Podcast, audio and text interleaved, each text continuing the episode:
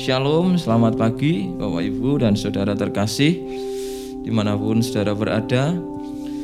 Mari saya ajak untuk melihat satu peristiwa yang dulu pernah Tuhan buat luar biasa Dan akan menguatkan kita. Karena peristiwa yang dahsyat itu Tuhan membawa orang yang bernama Yakub di masa tuanya ya pengharapannya sudah kabur. Impiannya hampir saja hilang. Tetapi Tuhan buat perkara yang dahsyat sehingga ia mengalami peristiwa yang luar biasa karena Tuhan menolong dia. Kita lihat sama-sama dalam kejadian pasal 45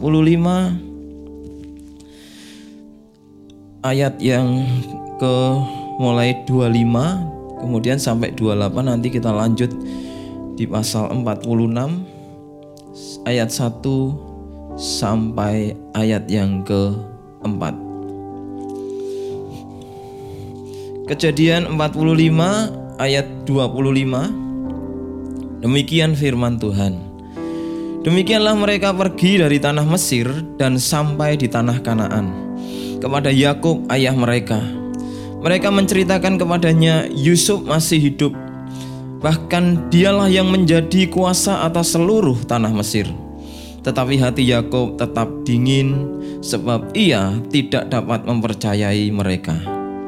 Tetapi ketika mereka menyampaikan kepadanya segala perkataan yang diucapkan Yusuf dan ketika dilihatnya kereta yang dikirim oleh Yusuf untuk menjemputnya, maka bangkitlah kembali semangat Yakub, ayah mereka itu.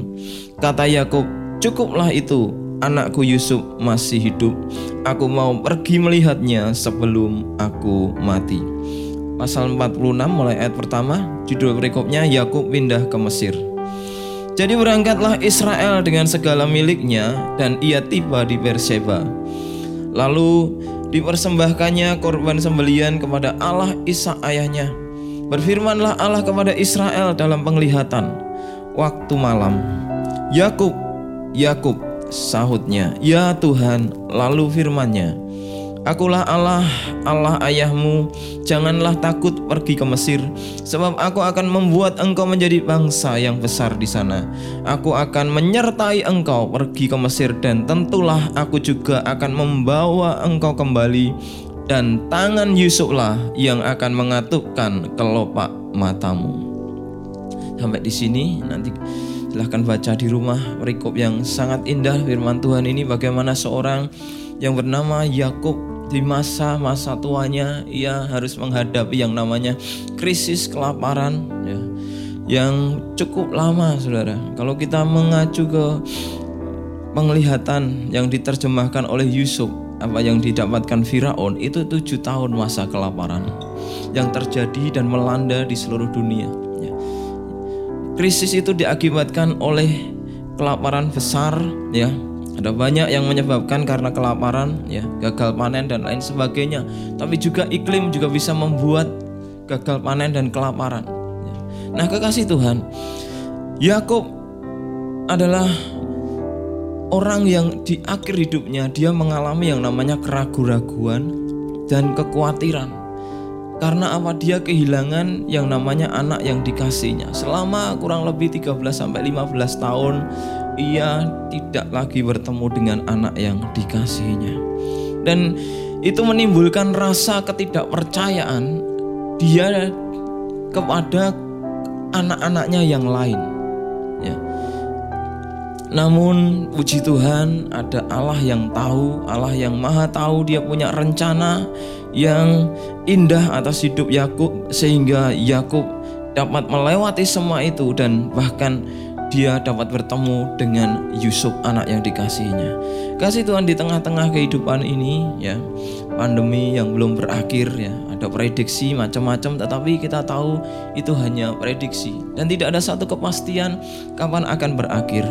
Nah, ada seorang ahli ya, beberapa ahli yang saya dengar baik di website maupun di lewat radio dan juga media-media dia mengatakan bahwa menurut riset dalam dia menyimpulkan akibat dari krisis ini ya akan ada muncul satu generasi atau melahirkan generasi yang mudah panik ya, mudah stres, mudah khawatir, mudah tidak sabaran dan terancam kepada yang namanya kemiskinan global.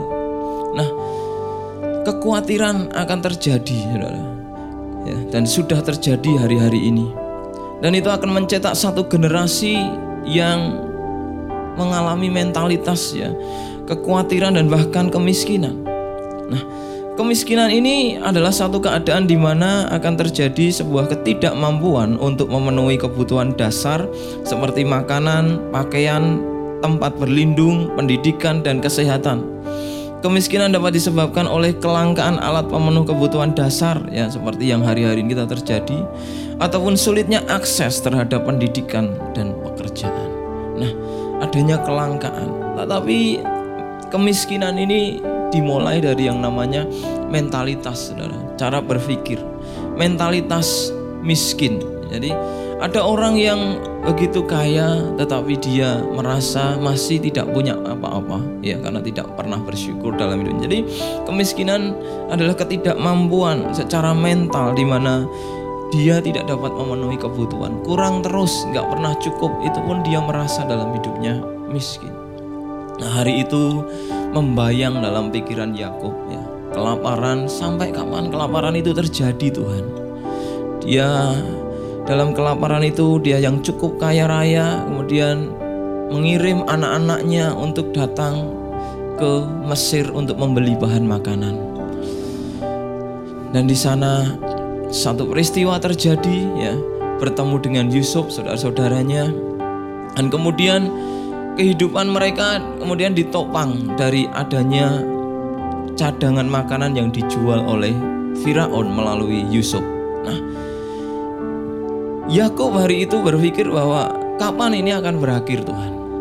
Tapi sebenarnya dalam hati Yakub muncul kekhawatiran yang lebih besar yang membayangi karena apa Saudara? Karena kekhawatiran dan ketakutan yang terus-menerus akan membuat hati seseorang menjadi dingin atau tidak mudah percaya termasuk dengan janji Tuhan. Yakub orang yang sudah mengalami pengalaman yang luar biasa, yang begitu luar biasa ditolong Tuhan, tapi hari itu dia juga mengalami kekhawatiran. Satu kekhawatiran, nanti kalau sampai ya yang namanya aku pindah ke Mesir ya. Bagaimana aku bisa kembali ke tanah Kanaan? Karena janji Tuhan yang dipegang oleh Yakub adalah engkau ya dari mulai dari Abraham, Ishak dan Yakub nenekmu atau kakekmu, ayahmu dan kamu dan akan kembali ke tanah Kanaan yang namanya tanah perjanjian. Dalam pikiran Yakub nggak nyampe, saudara, karena dia terbatas. Berbeda dengan pikiran Tuhan yang mengetahui segala sesuatu dengan pasti. Manusia bisa mereka-reka, tetapi kepastiannya bisa dipertanyakan. Tetapi Tuhan mengetahui dengan pasti dan detail. Pernah disampaikan Pak Sadra kata yada yang begitu bukan hanya sekedar transparan yang Tuhan tahu seperti gambaran hubungan suami istri tapi Tuhan tahu bahkan tanpa yang namanya tabir dia tahu apa adanya dengan jelas apa yang akan terjadi baik hari ini maupun masa depan nah Yakub yang khawatir saudara dia hatinya telah menjadi dingin ya dikatakan tadi di ayat yang ke dari pasal 45 ayat yang ke 26 ya. Waktu itu ya Yusuf masih hidup bahkan dialah yang menjadi kuasa atas seluruh tanah Mesir. Tetapi hati Yakub tetap dingin sebab ia tidak dapat mempercayai mereka. Jadi kekhawatiran Yakub ini apa sudah diakibatkan oleh ke sebelas anaknya, ke sepuluh ya, yang satu Benyamin kan.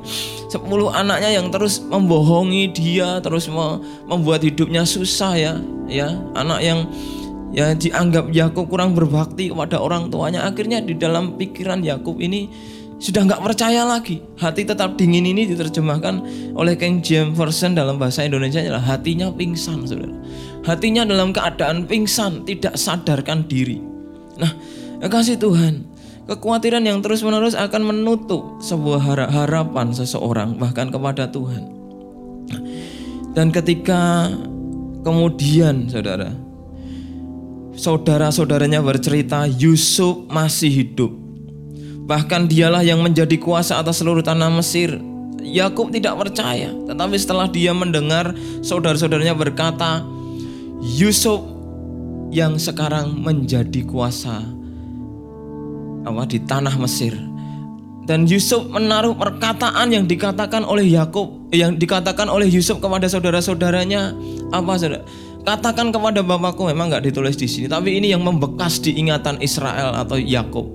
Sebuah kalimat yang berkata bahwa mimpi-mimpi yang dulu ditunjukkan Yakub diceritakan kepada ayahnya sekarang terjadi dan itu yang membuat lonjakan saudara kejutan hati ya-, Yakub yang hari itu dingin, tidak sadarkan, pingsan, tiba-tiba sadar dan bangkit. Ya, dikejutkan oleh sebuah janji Tuhan. Janji Tuhan apa? Yusuf akan menjadi orang yang berkuasa. Dan itu diingat kalau kita baca di apa di pasal-pasal sebelumnya ketika ya, Yusuf bercerita pada masa mudanya, "Pah, aku akan lebih berkuasa dan aku ada mimpi ada berkas-berkas gandum punya saudaranya dan papahnya dan mamahnya bapak ibunya sujud kepada berkasnya. Bukan itu saja dia juga mimpi bulan matahari dan sebelas bintang sujud kepadanya Yakub hari itu berkata, mimpi apa itu anakku? Tetapi yang tidak bisa kita lupa Alkitab berkata, Yakub menyimpannya di dalam hati. Itu mengejutkan saudara. Seperti sebuah colokan ya kabel listrik ada jacknya dicolokkan ke sumber power yang besar dan itu mengagetkan sekali. Janji Tuhan mampu menggetarkan hati kita. Di tengah-tengah pandemi ini saudara mari kita renungkan kembali. Rancanganmu kemarin disampaikan melebihi rancanganku ada rancangan damai sejahtera yang dibuat Tuhan bukan kecelakaan tetapi rancangan yang sungguh indah rancangan yang tidak dapat dibatasi oleh pengetahuan manusia. Ada Tuhan yang maha tahu, omniscient, saudara. Ada pengetahuan-pengetahuan hari ini tentang dunia politik sedang membaca masa depan setelah pandemi corona ini, saudara. Politik akan seperti ini. Kemudian pendidikan akan seperti ini. Ya usaha-usaha bisnis dan perekonomian akan seperti ini. Dan kemudian tadi saya katakan akan terbayang kemiskinan, generasi-generasi akan kehilangan ke masa depan.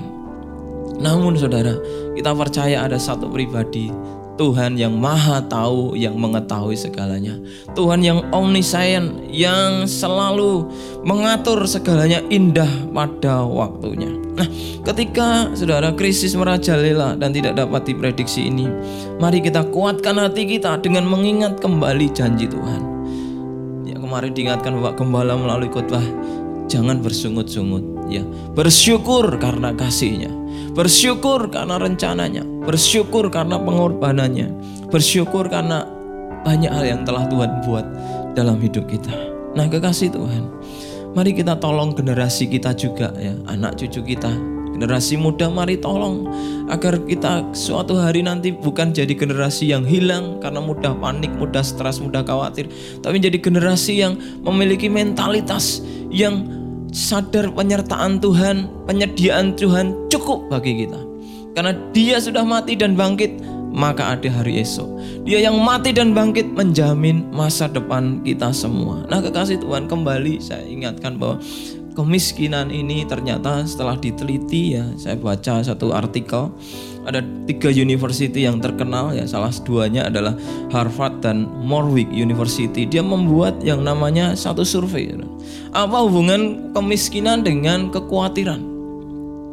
Nah ternyata orang yang memiliki rasa khawatir itu akan terus menerus dalam hidupnya khawatir dan akhirnya akan menciptakan satu mentalitas bahwa aku kurang aku tidak mampu mencukupi yaitu disebut disorder saudara nggak mampu nggak mampu nggak mampu nah setelah mereka survei ternyata kekhawatiran ini hubungannya dengan kemiskinan apa saudara Ke kekhawatiran akan menciptakan ya orang-orang ya menjadi akhirnya dalam hidupnya kehabisan memori dalam berpikir. Jadi orang yang punya mentalitas miskin atau sering khawatir, itu memorinya akan mudah penuh.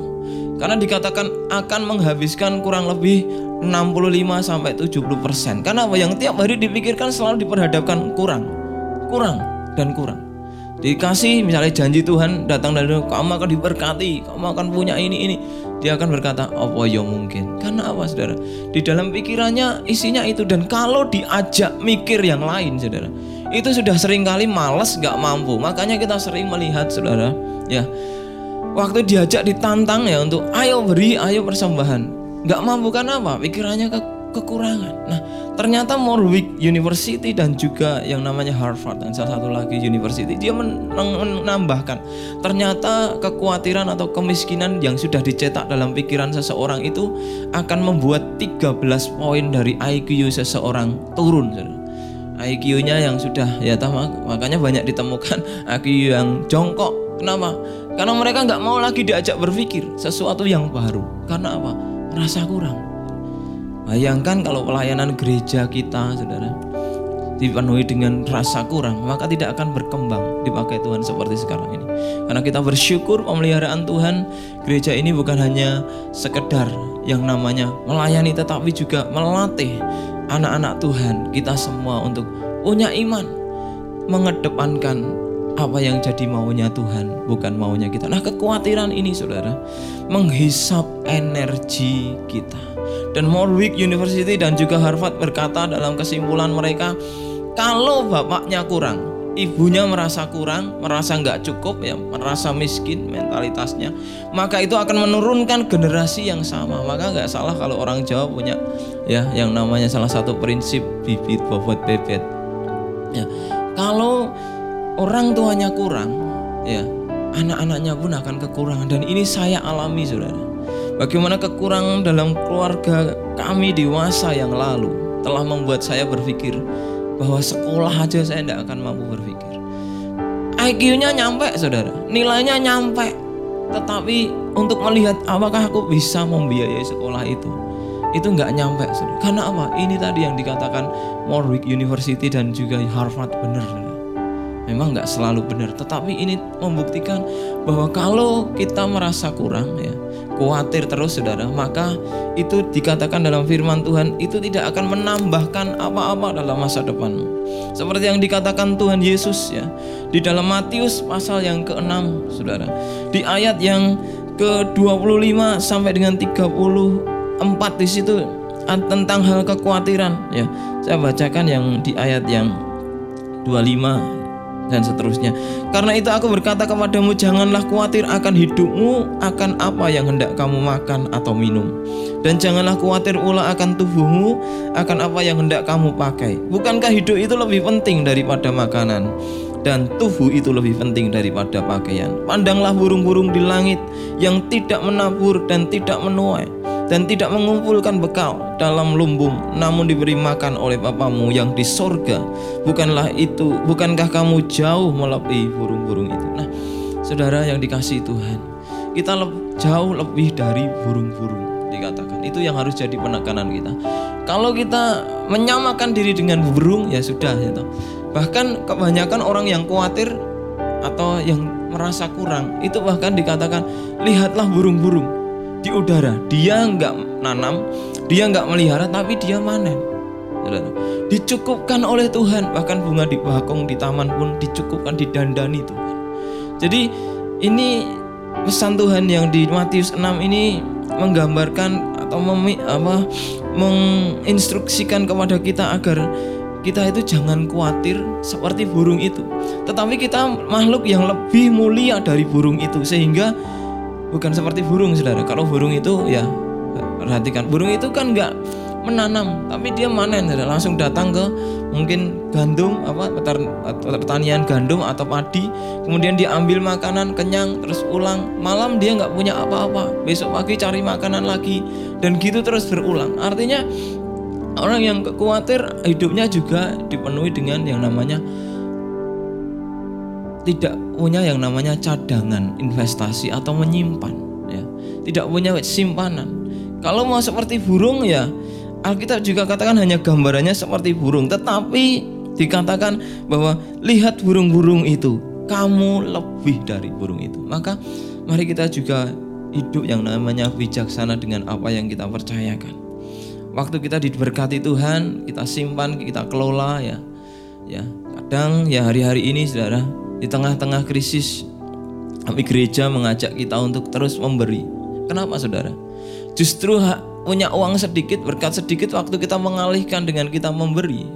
Kita sedang belajar untuk mengubah mentalitas miskin, mentalitas kekhawatiran dan mudah kurang ini dengan apa? Memberi. Ya. Tetapi mari kita lihat juga bahwa dasar dari apa yang namanya kekhawatiran ini merusak yang namanya mimpi dan janji Tuhan. Maka itu harus diperangi, saudara. Harus dilatih ya, terus menerus sehingga mengalami yang namanya pembaruan dari cara berpikir atau mindset. Nah, Yakub saudara, dia harus mengejutkan dirinya dengan yang namanya janji-janji Tuhan. Tetapi apa yang dilakukan oleh Yakub selanjutnya untuk mengalahkan kekhawatiran dalam hidupnya? Dia berkat dia berdoa, Saudara. Dia di ayat pasal 46 ayat pertama dia pergi berangkat ya, dia pergi menuju Mesir tetapi sebelum ke Mesir dia ke Berseba dulu. Ngapain di Berseba Saudara? Dia membangun mesbah Tuhan. Ya, dan dia berdoa di sana, dia membakar korban, mempersembahkan korban dan penglihatan datang kepadanya. Dia udah yakin dikejutkan dengan janji Tuhan. Tetapi dia segera mencari Tuhan lewat doa, Saudara. Karena apa? Waktu kita mendengar janji Tuhan, janji Tuhan itu harus terpelihara. Nah, doa menjadi akses mujizat, pintu mujizat berkat dinyatakan dalam kehidupan kita. Yakub berdoa dan Tuhan menjawab dia bahwa aku Tuhan Allah ayahmu, aku mengetahui masa depanmu. Jangan takut pergi ke Mesir. Di Mesir engkau akan kupelihara dan jangan takut bahwa engkau akan kembali ke tanah kanan. Jangan menakutkan Yakub untuk pergi ke Mesir itu bagaimana aku bisa kembali ke tanah perjanjian ini. Umurku sudah tua ya. Udah nggak lagi bahwa aku juga akan melintasi itu jarak ya kurang lebih 371 kilo mungkin juga lebih saudara karena tempatnya juga tidak bisa diprediksi dengan pasti yang begitu jauh ditempuh dan dia juga berpikir apa aku bisa kembali ke tanah perjanjian dan dikuburkan di sini. Tetapi saudara, ketika Yakub berdoa, maka dia dapat jawaban dari Tuhan. Ketika dia berdoa, Tuhan berkata, "Aku yang pelihara kamu. Aku akan membawa kamu bertemu dengan anakmu yang engkau kasihi." Ya. Yang membuat matamu menjadi rabun, harapanmu menjadi pudar, engkau akan bertemu dengan dia dan bahkan dialah yang akan mengatupkan matamu dan membawa engkau kembali ke Kanaan untuk dikuburkan. Kekasih Tuhan. Kadang kita melihat iman kita, janji Tuhan dalam hidup kita. Janji Tuhan itu yang terjadi bisa terhalang oleh cara berpikir kita, ya Yakub punya berpikir cara berpikir lain yang dia ketahuinya, yang dia ketahui adalah bahwa janji Tuhan dia akan harus ada di tanah perjanjian, di tanah Kanaan ini. Karena apa? Itu janji sudah diwariskan dari Abraham, Ishak dan ke Yakub. Dan itu kadang menghalangi. Dan Tuhan tunjukkan satu hal Saudara. Dia pakai Yusuf untuk membawa Yakub menuju tanah Goshen di Mesir. Bukan hanya hidupnya dipelihara, Saudara Ya, ini Tuhan luar biasa rancangannya yang sempurna. Bukan hanya memelihara melepaskan dia dari badai yang namanya kelaparan besar, tetapi juga dia bertemu dengan Yusuf. Bertemu dengan anak yang dikasihnya udah belasan tahun gak ketemu. Saudara ini bahagia luar biasa ketika dia bertemu dengan Yusuf. Bayangkan seorang bapak bertemu dengan anak yang dicintainya, yang dikasihinya, yang ketika anaknya hilang mati dianggapnya mati dan dia berkata, "Sudah, aku mau turun ke dunia orang mati." Yu Yakub tidak lagi punya pengharapan sejak dia kehilangan Yusuf.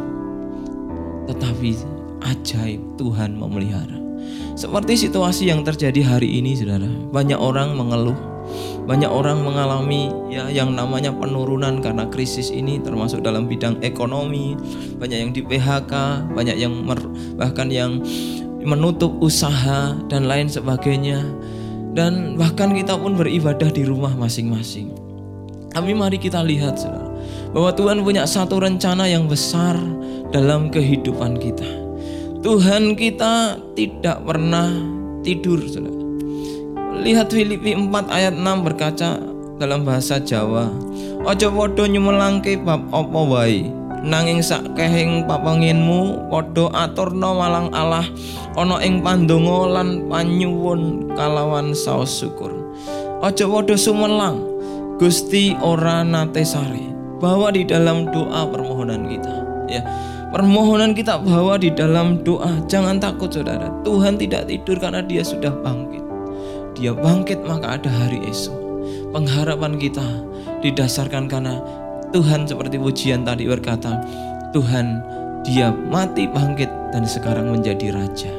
Kalau dia adalah raja, dia dapat memelihara dan mencukupkan kebutuhan kita. Tuhan sudah mengalahkan apa yang menakutkan bagi manusia, yaitu kematian.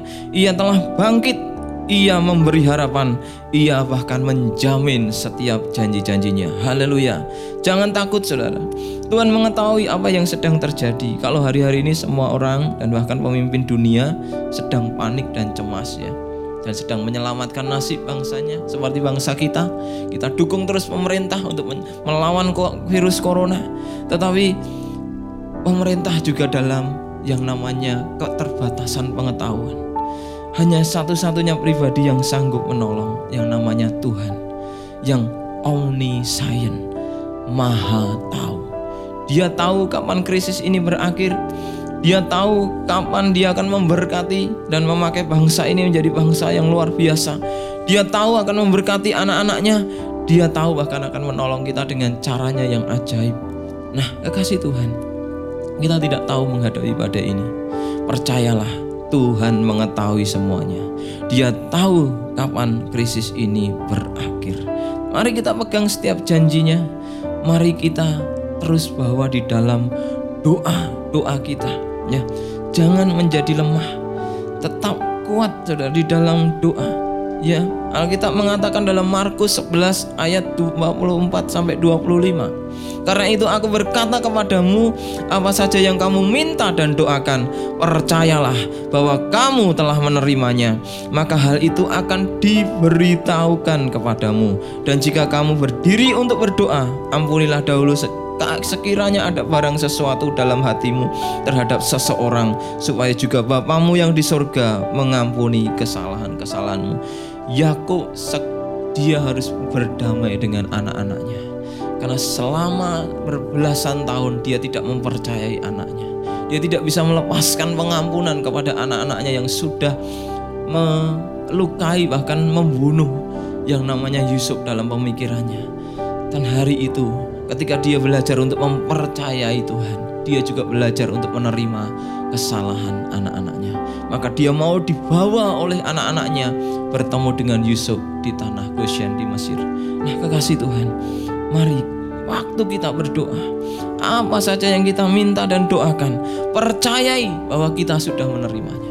Percayai kita sudah menerimanya. Jangan khawatir, jangan bersungut-sungut tapi terima setiap apa yang kita doakan dan percaya saudara bahwa itu akan diberikan kepada kita. Kapan diberikan? Ya, Tuhan yang Maha Tahu akan memberikannya. Pasti indah pada waktunya ketika Tuhan memberikannya kepada kita. Tetapi kalau ada hari-hari ini penghalang-penghalang ya, seperti kita mulai bersungut-sungut, kita sudah tidak terima dengan keadaan, mungkin tidak terima di PHK, tidak terima dengan pemerintah suruh begini, suruh begitu, tidak terima dengan keadaan gereja malah begini, malah begitu, keadaan orang tua malah ngatur gini, ngatur gitu. Mari kita cari Tuhan. Kita lepaskan, minta pengampunan. Kita tahu ya bahwa di balik pengampunan ada kuasa yang besar termasuk meminta pengampunan bagi bangsa kita, saudara, agar Tuhan berkenan menyatakan kuasanya, mujizatnya di tengah-tengah bangsa kita. Jangan khawatir, karena khawatir tidak menambahkan apa pun dalam hidup kita. Kekhawatiran akan mencetak generasi yang miskin, generasi yang mudah panik, generasi yang akan jauh dari Tuhan. Tetapi waktu kita bersyukur, waktu kita mempercayai janji Tuhan, waktu kita berdoa dan datang kepada Tuhan, maka kita akan dikuatkan dan hadirat Tuhan yang menguatkan kita akan memampukan kita melewati krisis ini. Waktu kita lemah, kita akan tidak berdaya, Saudara. Tetapi waktu kita kuat, ya, kita akan mampu menjalani hari-hari yang berat karena kita butuh kekuatan yang dari Tuhan setiap hari. Maka hari ini mari kita cari Yakub, cari Tuhan seperti Yakub mencari Tuhan. Dia mendirikan mesbah di Berseba. Dia berdoa karena dia tahu apa yang dia doakan akan diterimanya. Elia, Elisa berdoa, dia tahu akan diterimanya. Saya percaya waktu Elia menghadapi krisis kelaparan, tidak ada hujan tiga setengah tahun, saudara. Dia juga berdoa menanti Tuhan kapan hujan itu akan turun. Waktu adalah dia sendiri yang berkata, hujan tidak akan ada hujan sebelum ku katakan kepadamu. Tetapi Elia terus berdoa dan akhirnya hujan turun dan Tuhan memberkati Israel luar biasa. Kita percaya krisis ini akan segera berlalu dan Tuhan bahkan akan memberkati setiap kita. Gusti ora sare. Dia tidak pernah tertidur. Dia tahu kebutuhan saudara dan saya dan dia sanggup mencukupi, dia sanggup memelihara bahkan yang tidak terduga suatu hari dia menyatakan rencananya yang luar biasa seperti yang dialami oleh Yakub. Siapa sangka dia akan bertemu dengan anak yang dipikirnya sudah mati, tetapi justru dari kenyataan yang terjadi kelaparan itu Tuhan buat rencana yang luar biasa mempertemukan dengan anak yang dikasihnya. Oh itu sukacita yang luar biasa saudara. Dan kita akan bersukacita ketika kita menerima janjinya dalam hidup kita. Mari tetap setia di tengah-tengah pandemi ini. Hadapi dengan terus bersyukur dan hadapi dengan percayai janji-janji Tuhan lewat firman Tuhan ya gemakan dalam perkataan-perkataan dengar terus janji-janji Tuhan dan bawa pergumulan saudara di dalam doa dan Tuhan akan turun dan bertindak untuk kehidupan setiap kita. Kiranya Tuhan memberkati.